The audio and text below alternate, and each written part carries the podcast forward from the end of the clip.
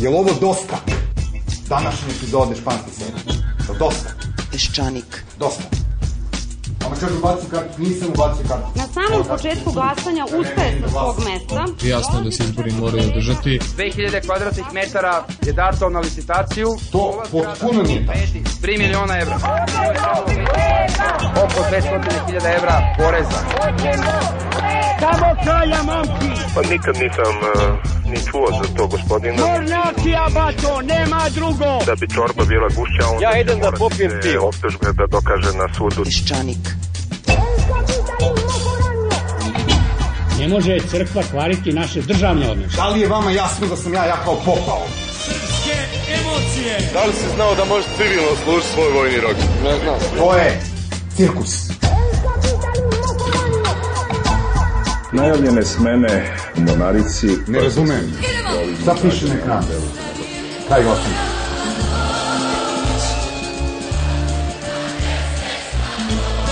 U toku istrage koja je započeta, bit će saslušani oni koji su imali pominju. Pa ćemo vidjeti šta je prava istina. Peščanik. Dobar dan, Jugosloveni. Evo 60 godina je prošlo otkako su se, žalim slučaj, ali partizani setili da obnove ideju Jugoslavije. Ispostavilo se da je nismo bili dostojni. Balkanolog Stevan Pavlović kaže da su se srpska, hrvatske i slovenačke elite, bilo iz idealizma, bilo iz realizma, prihvatile još u vreme Prvog svetskog rata najimaginarnije i najnaprednije političke ideje, a to je Jugoslavija. Jugoslavija je, kaže on, značila da se može zaustaviti beskrajni niz stvaranja novih etničkih država na osnovu jezičko-verskog jedinstva uobličenog preko učitelja, popa i narednika. Nije nam se dopadalo da budemo Jugosloveni, pa smo postali zapadno-balkanci. Na ruševinama Jugoslavije nastali su ne države, nego, kako kaže Slobodan Schneider, teledirigirani sustavi. To jest oni kojima se upravlja daljinskim upravljačem. Ako i to ne bude dovoljno, uvijek nas mogu resetovati. A sada zapadno-balkanci Svetlana će vam pročitati šta je o Balkanu opisao mađarski pisac Bela Hamaš, a ja ću za to vreme da čupam kose. Bela Hamvaš o meteorima. Meteori nisu ni lepi ni veličanstveni. Čovek ih ne zaboravlja nikad, ali ne pomišlja na njih kada šeta ili razgovara. Pre onda kada ugleda ružnog insekta ili kada čuje da se razgovara o sablastima. I na Tibetu se nalaze cijeli gradovi manastiri. I u Maloj Aziji ih ima mnogo. Ali u zapadnim i istočnim manastirima su živeli Bonaventure, Abelari, Lame, Sveci. A još niko nikada nije čuo da se u meteorima bave nekom naročitom askezom koja će iskupiti svet. U manastiru stanuju poluludi, prljavi ljudi s dva, tri učenika, čija religiozna praksa mnogo više liči na papuanske vrađbine nego na hrišćanstvo. U meteorima živi duh koji ne može da umre. Ti ljudi stoje na vratima smrti, ali ne znaju da uđu. Ne umiru jer ne znaju da umru. Čovek smrt ne dobija džabe. Umreti dobro i lepo, zasluga je, vrlina, nagrada. U meteorima žive ljudi u duhu koji ne ume da ode. Prvi korak ka razumevanju meteora jeste duh Balkana. Jer narodi na Balkan nisu prispeli onda kada su bili divlji kao mustanzi. To su bili patrljci naroda, srča od raspršenih naroda. I ova parčad ni do danas ne mogu da srastu u jedinstven narod. Najcrvljiviji i najpokvareniji način života u istoriji sveta dospeo je ovde, u ovu smešanu rulju, na smetlište patrljaka naroda. Sredinom 15. veka muhamedanci su zauzeli Vizantiju. Ustaljeno podlaštvo načelo je i muslimane. Celo muhamedansko carstvo počelo je da tone u vizantijski glib. Muhamedanstvo je na Balkanu doživelo slom kao Julije Cezar, Aleksandar Veliki, Atila, Napoleon. Zašto? Jer je ovaj zadatak nemoguć. Muhamedanska ideja o svetskom carstvu nije mogla da izađe na kraj s Balkanom i zato se udavila u Vizantiji. Postoji tačka na kojoj demonsko ja, koje je nesposobno da umre, pomaže sebi na taj način što provocira ubicu. To se dogodilo Vizantiji. Ona je izazivala muhamedanstvo da je ubije. Međutim, muslimani su verovali da nekog treba ubiti tako što se on proburazi. Nisu znali da je ubijati mnogo teže nego kasapiti. Ubijati treba tako što se neko proguta i usisa i svari. O tome muslimani nisu imali pojma. I zato se Vizantija osvetila svome ubici koji nije znao kako da je ubije. Ona je usisala i svarila muslimane. Nikada još u takvom smradu nije istrulela svetska sila kao muhamedanska. I od tada je Balkan obogaćen novom crtom. Pored vizantijskog podlaštva, u tu korpu za prljevo rublje koja je Balkan, bačena je i lešina muslimanskoga svetskog carstva. Moj ludak, sad ćemo da se vratimo našoj Srbici i nikad više neću da sikćem kada pričamo o njoj. Mola mi je sramota, jer i sad, kad sam, dok sam pričala i često ljutila se, u stvari nisam shvatila da ljutnja nije dokaz nekontrolisane strasti, nego dokaz gluposti, malo blaže infantilnosti, jer gde u kojoj knjizi, u kojoj klauzuli kog ugovora sa životom piše da nam sleduje nešto bolje od Tomislava Nikolića. Jednog dana Srbi će imati pravo da žive na svojim teritorijama, u svojim kućama, na svojim imanjima. Možda ja to neću dočekati. Ali ja neću da kažem da se toga odričem. Ovi koji kažu da se odriču, nek pobede na izborima. Nikoli, nikad neću da... Hrvatsko je pobedila, poznati su vam rezultati. Da. Pobedila je desnica. Da. Da li ćete razgovarati sa HDZ-om? Da li Ne. ćete, O čemu? Gospodin Nikoliću, prve su nam komšije. Kakve komšije? Da li ćete sarađivati sa HDZ-om? To što su nam imanja jedno pored drugog, ne znači da smo dobre komšije. Hoćete li sarađivati sa prvim komšijama HDZ-om? A znate gde je moja granica s tim komšijama? Gde? Na liniji Karlobag, Ogulin, Karlovac, Virovitica. Gospodine Nikoliću, ali to nije granica državna. A šta sad ja da vam kažem? To što je neko prihvatio tu granicu, to mene ne obavezuje da ih ceni kao komši i prijatelje. Pa Sa da njima plašite- nećemo imati diplomatske odnose. Zar ne mislite plašite birači time? A ja govorim istinu. Da li ćete sarađivati sa Zapadom? Da. Ako on to bude hteo. Po kojim osnovama? Po vašim ili po Po njihovim? demokratskim osnovama. Demokratska osnova u ovom momentu u svetu važi isporučivanje ratnih zločinaca Haškom tribunalu. Da li ćete to činiti? A da li to neko čini sada? Ja vas pitam. Ja neću to da činim.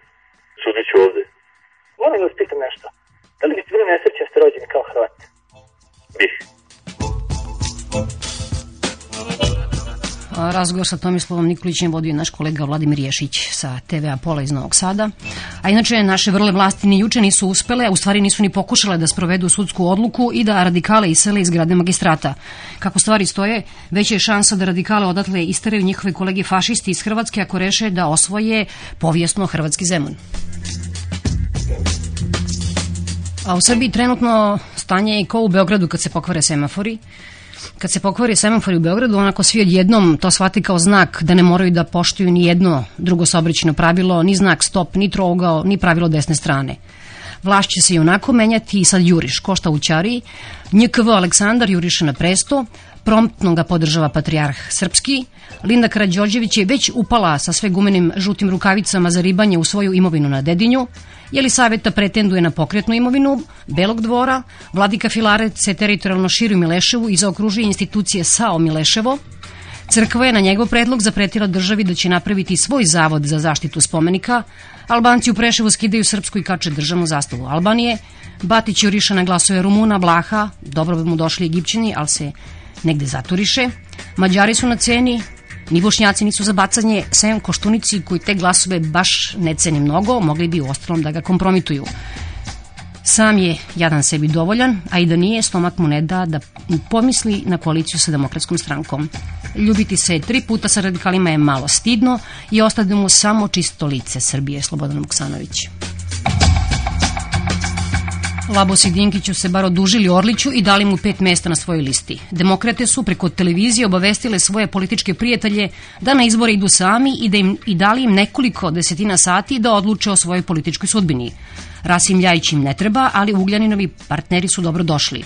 Boris Tadić je, videli ste, pokušao da objasni Rasimu Ljajiću ono što je neobjašnjivo, ali u ostalom to Tadiću nije problem.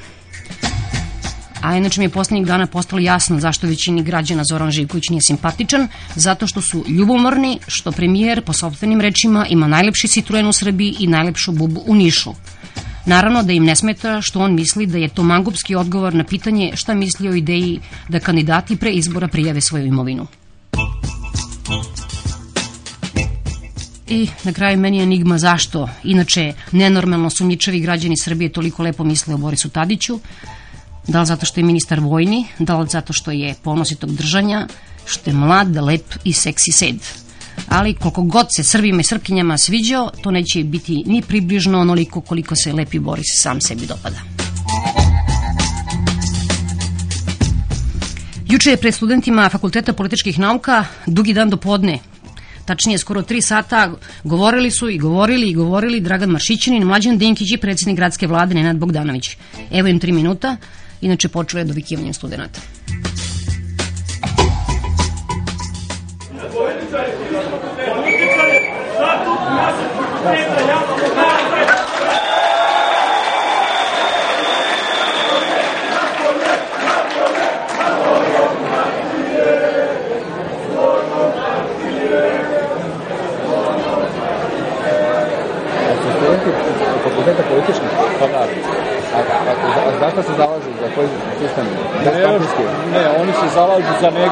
Uslove upisivanja i tako dalje. E, vidim ovde parolu ljudi misle zbogom partije. E, makar na ovom fakultetu moralo bi se znati i mislim da to vrlo dobro znate i otuda neumesnost te parole da bez političkih stranaka nema demokratije. E, ja pretpostavljam da se vi za demokratiju zalažete i onda molim vas da imate na umu ovo što sam vas podsjetio. E, im... Ja mislim da je bila velika, velika, veliki, velika greška Demokratske stranke Srbije što je vrlo rano napustila čitav taj posao. Isto tako, e, mi smo mogli na drugom mestu da obavljamo ovaj razgovor, to ste vi u pravu, ali na ali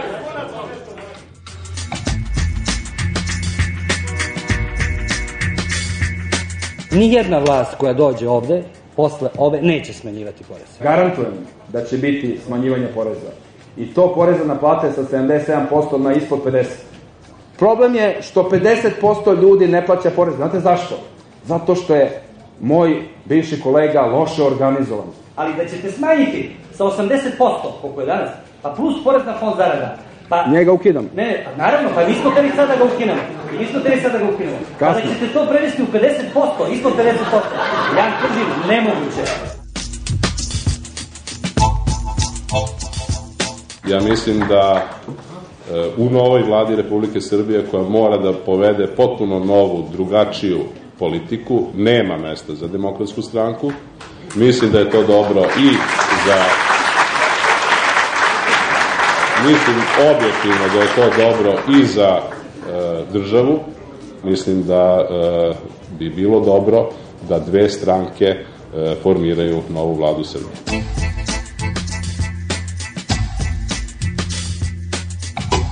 Regionalizacija je katastrofa. Mi mislimo da put treba da bude prirodan do regiona kao što je bio u Evropi. Prvi korak je ozbiljna lokalna samuprava i decentralizacija na tom nivou. Kada to ostvarite, onda možete ići u regionalizaciju, vrlo slično kao što predlaže DSS i onda možete razmišljati o regionima koji danas u mnogim evropskim državama vrlo uspešno uspešno funkcionišu. Koji će biti zvanični stav vaših partija, vredi pitanje za svu trojicu, nakon izbora po pitanju protokola, a tiče se oslobađanja američkih državljenja od međunarodnog krivičnog prava? Pa najkraće rečeno mislim da taj rok treba prolongirati. Slažem se sa Mašićem.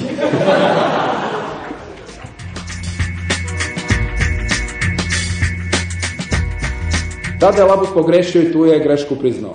Pogrešio je, rekao je da je najveća greška u njegovoj karijeri stavljanje potpisa na Beogradski sporazum.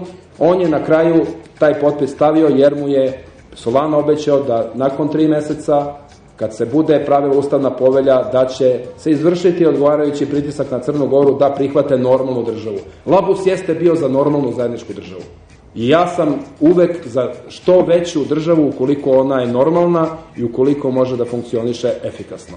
Problem je što, naravno, i političari visokog ranga neka ne govore istinu. U konkretnom slučaju Solana je slagao Labus. Jednostavno, obećajemo nešto, a kasnije se bavio Afganistanom, nekim drugim prioritetima spoljne politike Europske unije. Kasnije je ta cela povelja iskorišćena samo kao paravan za političke čistke u Srbiji. Zašto? Zato što ustavnom poveljom nije napravljen okvir za normalnu zajedničku državu, već je povelja doneta kako bi se neko iz DOS-a oslobodio, tako su bare mislili, nekoga za koga su smatrali da im je politička konkurencija, najpre to bio Koštunica kao predsednik ove države, zajedničke bivše, zatim Labusa, a onda i mene.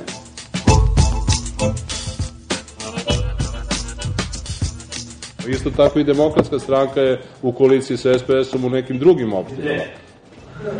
Molim, Kuršumlija, Kuršumlija recimo. Aleksi, uh, onaj kako se zove, pa šta sad? Sad može to da vas začudi, ja ne mislim da je to bilo šta loše. Pitanje za gospodina Digića. Zar vam se ne čini da pravite istu grešku kao i sve stranke pre izbora, da zbog umasovljavanja stranke primate ljude bivšeg režima? Mislim da nema, ako mislim na Đošu, mislim.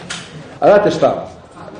I nije Đoša primjen zbog toga što je glumac, vi znate sami da to nije glumac ne znam kakvih kapaciteta, već je primjen zbog toga što je pomogao da naš glasotinački odbor ima maltene više članova nego odbor u Leskovcu. Čovek je radio na terenu i obezbedio da stranka poraste. Imao je rezultat. Mi cenimo rezultate. Iz Instituta društvenih nauka nam poručuju da će po svemu sudeći najveći broj mesta u budućem parlamentu imati radikali. Pitali smo gospođu Ljiljanu Baćević u čemu je tajna uspeh radikala, zašto se i gde kriju njihovi birači. Mi imamo taj problem već jednog sistematskog podcenjivanja radikala. Očigledno da su radikali uspeli nekako da se povrate od onog udarca 2000. godine, da ih za razliku recimo od socijalističke partije Srbije odlazak prvog čoveka stranke u Hag nije toliko degradirao. Stranka doista deluje ko prsti na ruci svi složni. Drugo, ja mislim Srpska radikalna stranka i Socijalistička partija Srbije praktično bila jedna drugoj rezervna stranka u smislu pristalica. Ja lično mislim da je na neki način prava naslednica Socijalističke partije Srbije nisu ove socijalističke partije, nego da je tu stvari Srpska radikalna stranka, kako sada stvari stoje, Srpska radikalna stranka ima šansu da dobije najveći broj glasova na skupštinskim izborima 28. decembra. Kako vi objašnjavate Zbog čega ljudi kriju da će glasati za Srpsku radikalnu stranku? Mislim da će to sada manje kriti, jer na neki način Srpska radikalna stranka se legitimizirala. Uspeh njenog predsjedničkog kandidata je doista impresivan. Tokom cele svoje istorije, Srpska radikalna stranka je u stvari na neki način prokažena stranka. Prvo, sve vreme je prokažena od onoga što zovemo do smene e, režima 2000. demokratskom opozicijom.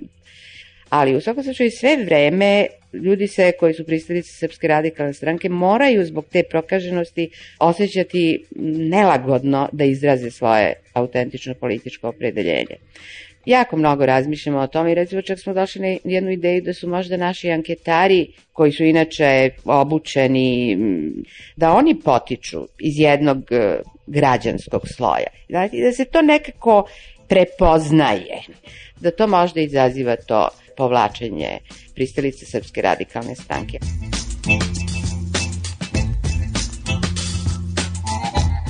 Vladimir Gligorov za nedeljnik Ekonomist. Kroz koju godinu kada se budu ponovo održavali parlamentarni izbori, sve radikalske teme više neće imati nikakav značaj. I tu je taj problem sa kojim se oni suočavaju. Dok su njihove teme važne, oni ne mogu da se nadaju vlasti. Kada više ne budu, oni postaju nepotrebni. Zašto međutim ljudi za njih glasaju? Jer ako glasaju sada kada oni ne mogu da budu izglasani, možda će glasati i onda kada više neće imati smisla za njih glasati. Jedan razlog zašto ljudi glasaju za radikale je sličan onom zašto ljudi kupuju loz. Budući da su izgledi veoma mali da se izvuče nagrada, kupovina loza je isto što i bacanje para.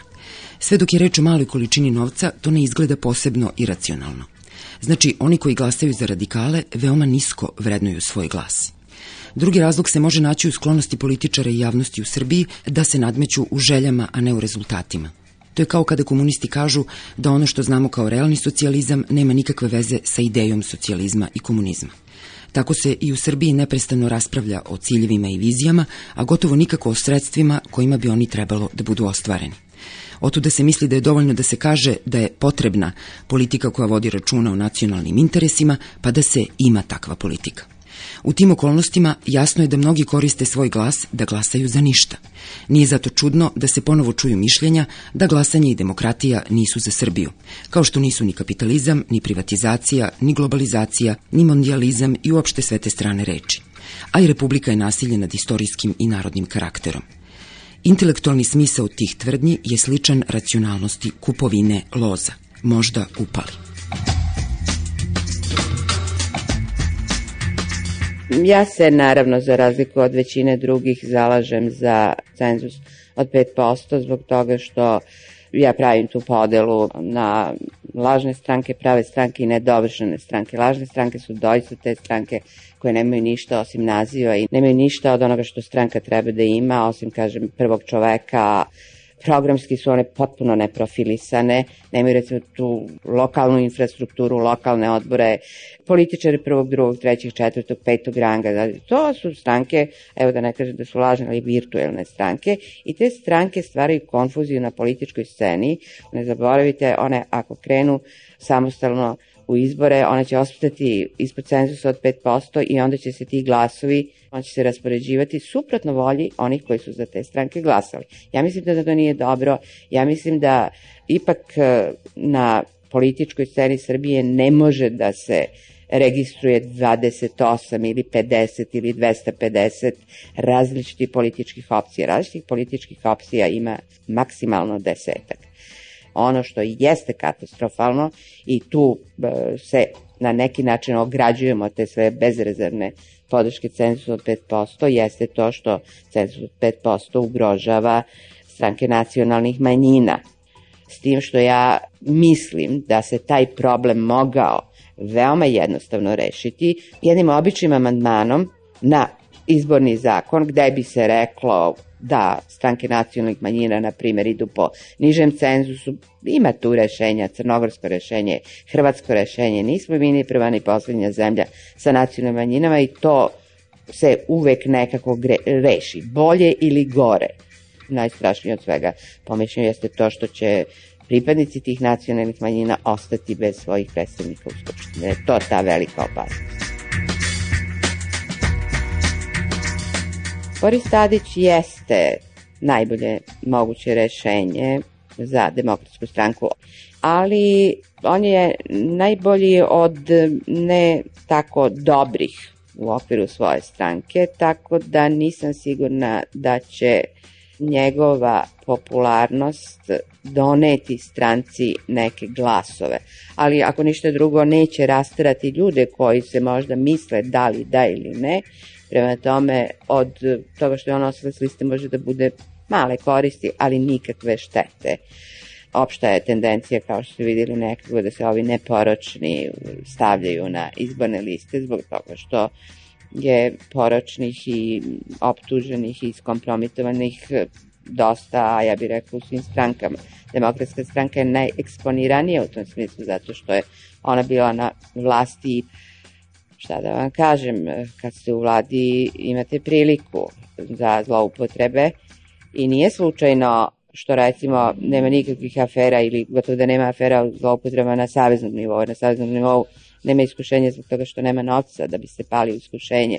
Što se tiče skidanja Čedomira Jovanovića sa liste demokratske stranke, to je upravo taj pokušaj da stranka na neki način do duše u jednom jako nepogodnom trenutku pred same izbore prikaže sebe javnosti kao stranku koja pokušava da rasčisti redove od mangupa u vlastitim redovima.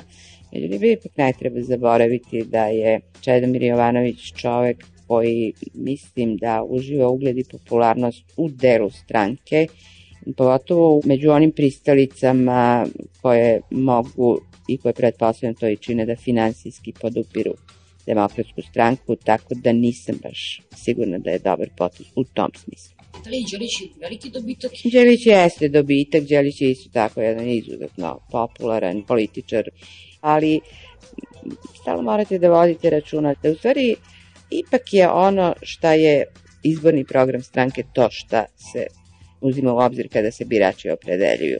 Naravno, birači nisu čitali programe i ne čitaju programe stranaka, ali izjave, ono šta oni čine, šta su činili, šta su izjavljivali, to je zapravo ključni čilinac na osnovu koga se građani opredeljuju. Građanski savez jeste mala stranka, ali je Građanski savez ono što ja zovem prava stranka ali ima izuzetno dobre kadrove, to se na kraju krajeva i vidi u političkom životu. Građanski savez je svojevremeno imao nešto u svom programu što ga je jako razlikovalo od recimo demokratske stranke. To je bila jedna stranka koja je bila jako, izuzetno jako, izričito antiratno orijentisana. Međutim, nije građanski savez promenio svoju orijentaciju, ali rata više nema, tako da je po mišljenju neizbežno da se građanski savez priključi nekoj stranci, a programski gledano sada mu je demokratska stranka najbliža, s tim što, naravno, to je nešto što od mene uopšte ne zavisi, ja mislim da bi i za građanski savez, a i za demokratski centar možda bilo, ali očekno nisu mogli da ostvare taj cilj, bolje da su ušli u demokratsku stranku kao ipak autonomne frakcije.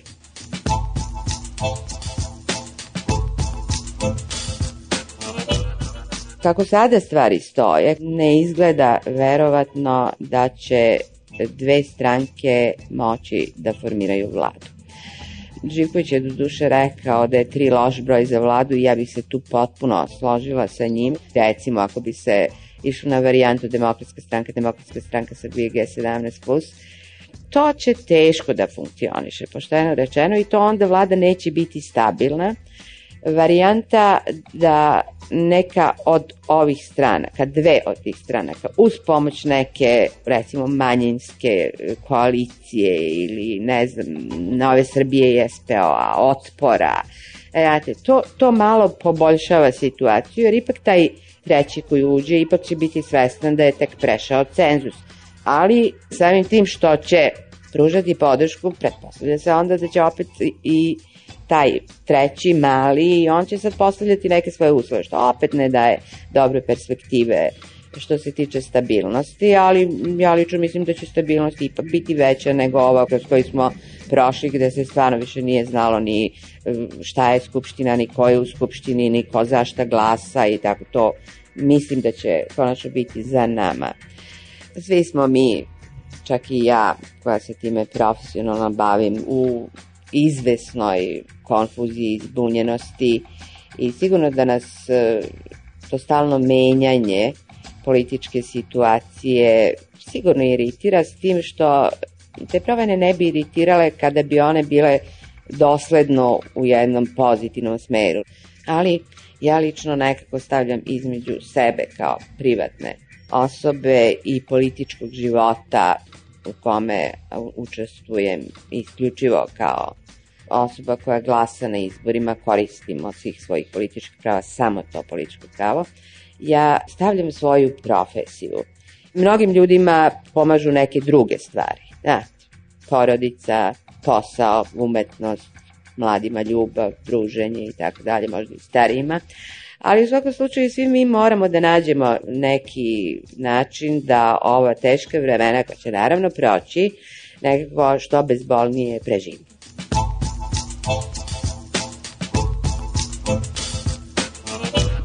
Bila ovo gospođa Ljiljana Baćević iz Instituta društvenih nauka, a sada slušate Tanju Tagirov, zagrebačku novinarku na privremenom radu u Beogradu. Tanja je na licu mesta doživjela pobedu HDZ-a, pa smo je pitali da li će to jako da boli. Razočarani su uglavnom, koliko se meni čini, upravo glasači, recimo lijeve socijaldemokratske opcije, zato što se Račan i njegova stranka i uopće ta koalicija se potpuno odrekla socijaldemokratskog u svom ponašanju. Račan je napravio koegzistenciju praktično sa prethodnim režimom. Račan je bio svjestan ako izgubi vlast, sada, ove 2003. godine, da će mu trebati to da se Sanader ili bilo tko drugi, dakle, ko dođe na vlast, jednako tako benevolentno ponaša prema njemu. Takvu pogodbu je Račan imao i sa Tuđmanom. Tuđman ga nije dirao, ali je zato Račan i njegova stranka su dobili vrlo, vrlo vrijedne nekretnine u gradu Zagrebu i po drugim gradovima. Njima ništa nije oduzeto.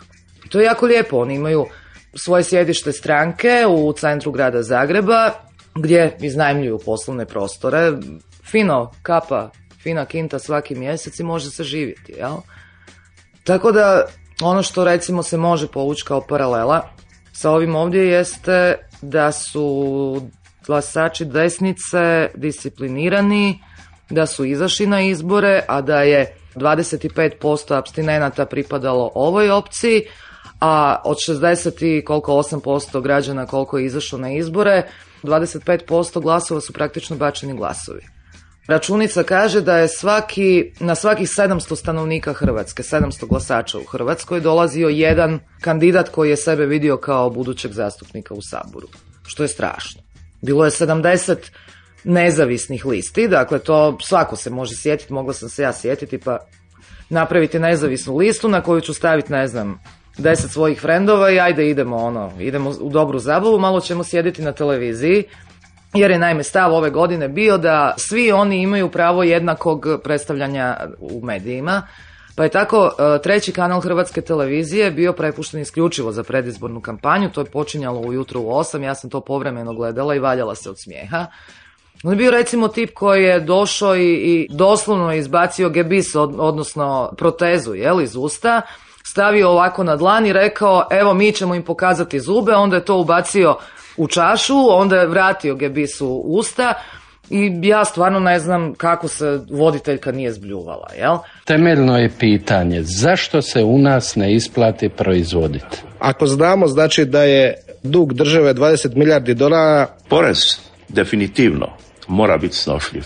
Ovo je trenutak da se sjetimo branitelja Vukovara. Bili smo neopremljeni, goloruki protiv četvrte sile u Europi. Kao što smo rekli, mi smo ili sljednici našeg Radića koji je isto tako govorio da ne srljamo u Beograd kao guska u mlagu.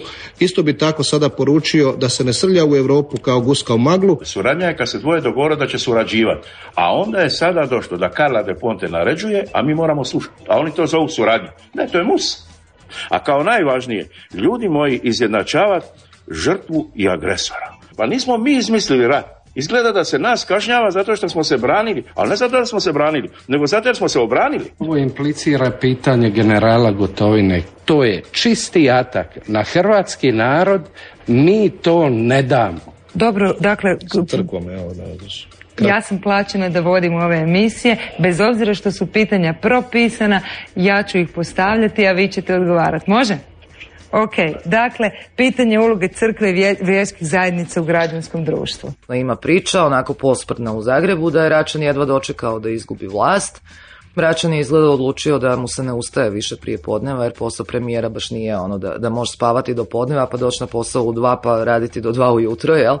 Ako je to tako, mislim, ne zamjeram mu i ja volim spavati, samo što birači će to kazniti. Prateća pojava ovog visokog zaduživanja je i visok deficit u vanjsko-trgovinskoj bilanci. Postavit će se novi predsjednici sudova. Oni će od gospodina Parage dobiti u ruke vozdenu metlu i dobit će rok od godinu dana da se riješi svi predmeti. I evo tu smo donijeli knjigu, to zove se Crna knjiga komunizma i prvi, među prvima koji će biti ilustrirani bit će aktualni premijer gospodin Ivica Račan zajedno sa Antom Đapićem. Zauzimate li se možda za ukidanje vojnog roka? Ne, mi se ne zauzimamo. Pa pogledajte, Šešeljeva koncepcija je pobjedila u Srbiji na izborima prije tri dana, a ova luda vlast naša hoće ukinuti vojsku od, od Radoša do Račana. Jučer smo bili u Vukovaru, pa to je mržnja na, na, na Hrvatsku i na Hrvate koji žive u Vukovaru ne, nevjerojatna. A to Hrvatska država još podhranjuje, daje mi mirovine i radna mjesta i grade im kuće Čačić strahota jedna, znate. Što se tiče ekologije, orijentacija na turizam i tome razvoj izvozno orijentirane proizvodnje zdrave hrane čemu težimo. Postoji istinska stranka prava u hrvatskoj stvarnosti, da ju ne miješaju sa Đapićevom lažnom strankom, da mi dijelimo sudbinu progonjenih, potlačenih, obespravljenih i očajnih. Ova stranka je hrvatska stranka,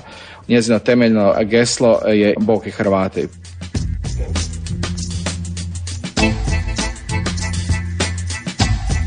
Ja nešto ne vjerujem previše u, u reformiranje stranaka koje su vodile ratove. Ovdje ne vjerujem niti da se radikali mogu reformirati, ne vjerujem ni da se Vuk Drašković može reformirati, isto tako to ne vjerujem niti za HDZ, niti za HSP, Hrvatsku stranku prava koju vodi Anto Đapić. Đapić se pretvorio u jednog jako finog dečaca koji eto čak i skino Pavelićevu sliku iz uh, stranačkih prostorija, ali kad ga je pitalo Pitala ga je novinarka jutarnjeg lista da li je učinio to i kod kuće, naime i kod kuće drži sliku, onda je rekao pa nećete sad valjda, mislim i to da me pitate, jel da doma ga držimo, a ovo je ipak za vanjsku upotrebu. Skinuo je crnu košulju koju je nosio i kao se malo uljudio, ali mu naravno nitko ne vjeruje. Sanader je očito ozbiljno shvatio ovu kampanju, pa je naravno i promijenio retoriku. Izbacio iz stranke recimo Ivića Pašalića, koji je jedna od najomraženijih e, ličnosti u, Hrvatskoj, koji je izašao na izbore zajedno sa Miroslavom Tuđmanom, sinom pokojnog Franje. Međutim, nisu uspjeli ništa napraviti, nisu prak prešli. E sad, zašto se ne treba nešto pretjerano niti bojati ovih rezultata? Naprosto, Utjecaj međunarodne zajednice je dosta jak u Hrvatskoj. Građani zaista imaju težnju da napokon pristignu do te Europe. Prema tome i Sanader i njegovo vodstvo će morati se ponašati civilizirano, barem prema van. Prema unutra ja pretpostavljam da će nekih problema biti, iako kažu da neće biti revanšizma, imam nelagodu kad pomislim da će predsjednik Sabora najvjerojatnije postati Vladimir Šeks, koji je inače bio siva eminencija eh, HDZ-a, onoga koji je recimo donio odredbu u, u Saboru koja je izglasana eh, da se ukida odgovornost države za počinjene terorističke akte. Tako da će mnogi slučajevi kuća srpskih uništenih izvan područja zahvaćenih ratom završiti na e, sudu u Strasburu, a ne u Hrvatskoj. E sad, Sanader je obećao da će, se, da će suradnja sa Haškim tribunalom se nastaviti normalno kao što je bilo i do sad, ali na pitanje koje je uslijedilo nakon toga da li to znači da bi on izručio gotovinu da se gotovina uhapsi, nije imao odgovor, tako da ja pretpostavljam da će i dalje zavlačiti jednako kao što je na kraju krajeva Račanova vlada zavlačila. Svi se sjećamo onog cirkusa sa Bobetkom, jel? To su se pisali, ne znam, ovi i oni dopisi Haškom tribunalu koji naravno, mislim, ono šta su oni namirili, to oni hoće. Jednako kao i Ratka Mladića, jednako kao i sve ove, jednako kao i Najbojšu Pavkovića koji vidim sad ovdje izlazi na izbore. Mislim, u Hrvatskoj bar toga nema. Ok, ima ima potencijalnih haških optuženika, ali za koje svi mi sumnjamo, jel da mogli bi oni biti tu nešto na, na nekakvoj listi, ali barem niko nije ono zvanično optužen, jel da? Ovdje već imamo trojicu. Aman ljudi koga štitimo, jel? Hrvati su čak napravili za vrijeme Račanove vlade poseban fond za obranu haških optuženika. Koje ljudi moji, mislim, opljačkali su nas pobili su šta su stigli pobiti. Sad još mislim, ajmo, mažnjava i lovu iz naših džepova da se oni brane. Pitala se zašto, zašto je Račan izgubio izbore, između ostalog i zbog toga. Zato što su ipak nekakva polovina Hrvatske očekivala da će se tome reći dosta, da će se napokon napraviti nekakva čistka u, u, u svim tim mitovima, zločinima, svemu tome što se proteklih godina dogodilo, to naprosto nije bio slučaj. Prema tome, meni je kao građaninu na kraju krajeva sasvim ono svejedno da li je šef vlade Račan ili je šef vlade Sanader. I to je to. Moji prijatelji u Zagrebu su svi strašno očajni, svi su depresivni, kao eto, opet nam se vraća moja mama je rekla neće valjda ono da, da ponovo moramo proživljavati ono sve što smo proživljavali 90. Ja kažem nećemo mama valjda isto, mislim nema više rata prema tome naprosto ne mogu ni oni raditi više šta su, šta su radili 90-ih. A s toga da budemo iskreni, pa mislim, nema više nešto mnogo Srba u Hrvatskoj. Šta je ostalo to nešto malo Srba, ok, imaju svoje predstavnike u Saboru, Račanova vlast tu je, ko je to rekao Stanimirović, stvarno nije mnogo napravila. Čak su neki ljudi koji imaju veze sa situacijom na terenu, neki advokati, pa neki ono ljudi iz uh, humanitarnih i, i organizacija za ljudska prava rekli pod HDZ-om je bilo mnogo bolje. Prosto si znao nešto ne može ili su te odbili, ali su ti nešto rekli. A pod ovom vlašću naprosto su te pustili i nisu ti rekli ništa.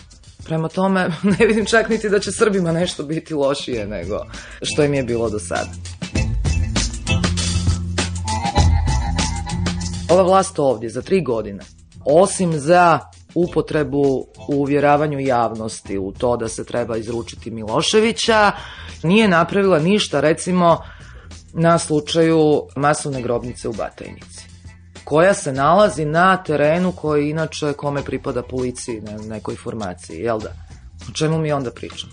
Poslanici u Skupštini Gordana Poplazić će najurednije reći šta, mislim, to je izmišljeno. U novinama su pisma, to je izmišljeno, jel da? Jer nije problem u, u tome hoće li još 20 ljudi završiti u Hagu. Mene zanima šta će biti sa onima koji su među nama, s kojima se sudaramo svaki dan u tramvajima, u, u, u autobusima gradskog saobraćajnog, u, ne znam, putujemo vlakovima i, i koje gledamo na televiziji na kraju krajeva. Ja uopće ne sumnjam da, da jedna i druga vlast, ono, bar ideju imaju gdje se nalaze i Mladić i Gotovina i svi ostali. Na kraju krajeva mislim i njihov, njihov drug, ono Legija isto tako mogao otići u ljutu Hercegovinu gdje niko ne može ono niti međunarodne snage niti domaće snage bilo staviti nožni prst, jel da, kamoli uče unutra. Možda ono negdje sjede, lijepo se zapijaju, Svetlana jedno vreme imala tezu tako ćemo mi da čuvamo gotovinu, a Hrvati će da čuvaju, ne znam, Da, pa zašto da ne? Mislim, pa sve je to ista banda, jel? I kad vidim toga recimo u Zagrebu nema, za razliku od Beograda gdje je uredno u Knez Mihajlovoj ulici prodaje ono Mladić heroj, Karadžić heroj. I naravno, mislim, a zašto to ne bi radili? A u Zagrebu nema gotovine. Ne, u Zagrebu, ne. Nema, ali recimo Zagreb ima svog čuvenog ustašoljupca Marka Thompsona, pjevača koji je sad otišao u Nizozemsku pa mu je u dva grada Nizozemska zabranjen koncert zbog fašizma. To se Hrvatska nikad nije sjetila, naprotiv, čak i Hrvatska televizija, koja je javna televizija, bar bi to trebala biti, prenosila taj koncert, jel? To je najnormalnija stvar na svijetu isto tako. Sad, dakle, pitanje je samo u, u kom obliku se to ispoljava, neko će prodavati beđeve i majice, a netko će ono zatupljivati narod i preko takozvane javne televizije puštati koncert tako nekog obskurnog ko mislim propagira fašizam, viče za dom spremni i, i diže ruku u nacistički pozdrav. Bila ovo Tanja Tagirov, a sada slušate filmskog reditelja Gorana Markovića. E, Inače, premijera njegovog filma Kordon, koji je osvojio na glavnu nagradu Montrealu, je u ponedeljak u dvorani Kulturnog centra, tamo gde je u Kolarčevoj nekada davno stajao Kordon.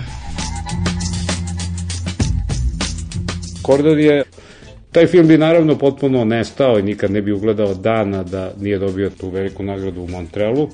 I pored toga on, on jedva se dokopao bioskopa, evo. Posle koliko, skoro godinu dana kako je završen. Ja se nadam da će neko i da vidi to, mislim. Ne, jedino što sam uspeo to da sam uspeo da ne napravimo premijeru u Sava centru, jer samo preko mog leša može da mi se prikazuje film u Sava centru. Prvo zato što je to tehnički odvrtna sala, a drugo zato što je to jedan standard malograđanski koji ja uopšte ne želim sa tim ništa da imam. I onda će se prikazivati u kulturnom centru, baš na mestu gde se dešava film, jer tu je bio kordon i ovaj, čak čuo sam da ovi distributeri hoće da naprave happening, da naprave kordon pred premijeru tamo. Tako vidjet ćemo da će to biti samo gužva u saobraćaju, psovanje vozača ili će to imati neka konceptualnu vrednost ili smisao.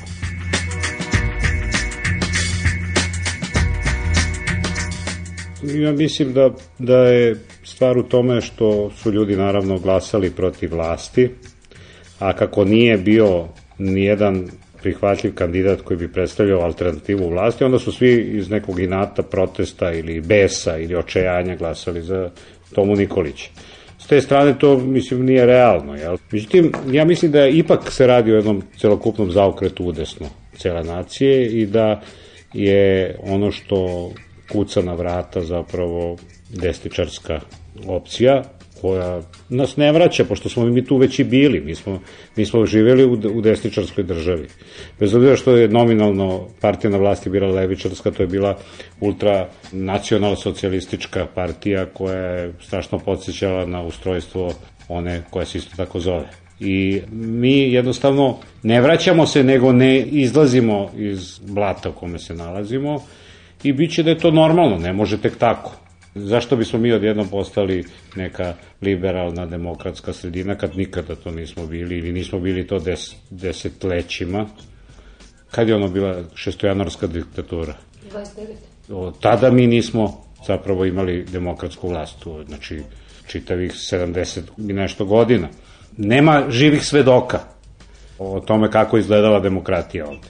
Ono što piše da i verujemo na reč, ali Tako da ne, mi nemamo iskustvo nikakve demokratije, mi ne znamo kako to izgleda i potpuno je iluzorno verovati da će sada da se preko noći, zato što se promenio režim, da stupi na snagu demokratije. Nema šanse, ovo to demokratija je nešto što se jako dugo gradi, drugo moraju da je grade ljudi koji imaju ideju humanističku, a ovi koji su bili do sada na vlasti nisu imali nikakvu ideju osim sobstvenog čara i tako da nije to iznenađujuće ja sam ja se već psihički pripremam sada za jedan period moga života ili našeg života u kome ćemo živeti u jednoj desničarskoj državi, gde moramo da se pripremimo na otpor fašizmu i sličnim stvarima.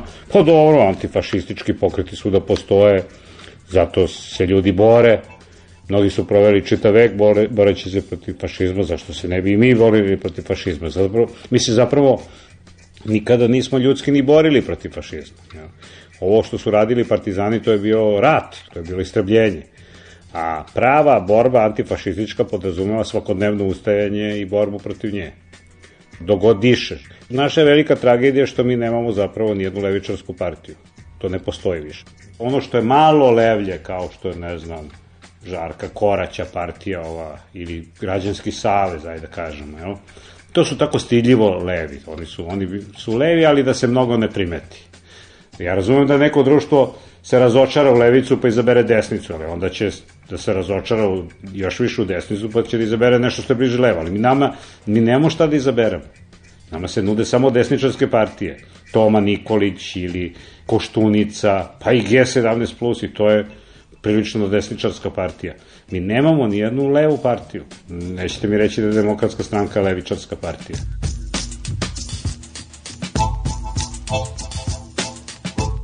Na kraju to je opšti trend, evo u Hrvatskoj su desničari došli na vlast, a oni levičari stvarno se ne mogu nazvati Račanovim levičarima, to su lažni levičari, kao kod nas što su bili SPS-ovci, lažni levičari. Prema tome, ali autentični desničari dolaze na vlast. Jel? I ako pogledate recimo neke novije austrijske filmove, onda ćete videti da taj dolazak desnice, na primjer u Austriji na, na vlast nije slučajan, nego je to jedan društveni proces koji traje odavno i da su ljudi u ovoj jednoj vrsti beznađa. Tako da tamo levica takođe postoji samo recimo u umetničkim delima. To je prirodno, znate, umetnici su uvek malo levo. Nikad ne mogu da budu desno. Redki su umetnici koji su desničari. Uglavnom su levo, levo. I kad vi nemate partije, onda tražite utehu u recimo umetničkim, u pozorištu ili u kinematografiji ili u literaturi. Ja mislim da će i kod nas to da se desi, da će da desnica bude na vlasti, a da će svi ljudi koji misle i koji osjećaju i koji su humanisti da počnu da ispoljavaju svoja leva osjećanja. Ne preko partija koje ne postoje, nego pojedinačno, kroz umetnička dela ili kroz društvene činove ili kroz bilo šta slično. sad vlada jedna vrsta ničije zemlje, jel? ovo je sad više nije nečija zemlja, nego ničija zemlja, i da ovde sada ko pre mazne nešto i ko pre otme nešto, to će biti njegovo. To je, dakle, jedan vakum. I što reče jedan majstor uh, mom drugu koji mu nije donosio hoklicu koju mu je pravio pola godine, izvini, bio sam u nekoj vrsti interregnuma mu je rekao taj stolar. Dakle, mi smo u nekoj vrsti interregnuma sada i pretpostavljam da će se sada dešavati svašta, zato što niti postoji bilo kakva organizovana vlast, vojska je svedena na ono što, što nikada nije bila, policija je prilično zbunjena, ne zna se koliko ima tajnih policija, Bilo ih je deseta, koliko sam shvatio u prošlosti, ostalo ih je sigurno nekoliko. Šta sad rade te tajne policije i kako to rade i kome o glavi i za čiju fajdu rade, to niko živi ne zna. Svi oni grabe za sebe i sve to nema nikakvu ravnotežu duha. Toga nema i to ćemo mi plaćati dugo. Jedna od mogućih opcija, znači od proleća imamo recimo DSS i G17+. Plus. Pa šta, otko zna? Ne znam, vidjet ćemo. Mislim, nije, nije, ja mislim da to jako dramatično. Nije to. Mislim, neće to ništa suštinski da promeni. Promenilo bi recimo da se radikali udruže sa Koštunicom, to bi baš bila prava desničarska vlast onako koja bi mogla da se završi, boga mi, dosta gadno, jel? Ali tako neka srednje desna i, ili ta, takva koalicija svakako ne bi imala nikakvog uh, višeg smisla. Oni ne bi doneli nijednu ideju jer oni su ili tehnolozi vlasti ili e, tehnolozi pomoći iz inostranstva. Jel? To su dve stvari koje oni znaju, kako da budu na vlasti, kako da nahvataju neke pare koje ima mogu da kupe socijalni mir ili, ili birače. Ali da neko izmisli da narod živi e, bolje, srećnije, sa nekom idejom, u nekom smislenom pravcu, to niko njih ne može. Ne vidim nijednog političara na sceni, osim ovih koji su stvarno marginalni, kao ne znam, Svilanović ili taj Žarko Korać, ovaj, koji jel, ne predstavljaju ništa. Oni, njihov, oni nominalno imaju vrlo pristojne ideje, ali šta vredi kad te ideje oni ne mogu da ostave, oni će se upiškiti od sreće koji imaju po dva poslanika u, u parlamentu i to će biti kraj njihovih ambicija, jel? A to je malo. Vi morate da imate viziju, morate da budete neko ko je kao Masarik ili tako neko ko je čovek od velikih duhovnih potencijala da biste mogli za sebe da vodite ljude koji vrede. A ako ste vi neka sića tamo, polu secike sa polu šminker, jel? I sada, koga ćete vi da vodite? Koji ozbiljan čovjek će da stane iza bilo kako tako čovjek? Ne interesuje niko. Vi posmatraće divlju borbu pobesnilih pasa oko koske. Ljudi sa strane i to će biti sve.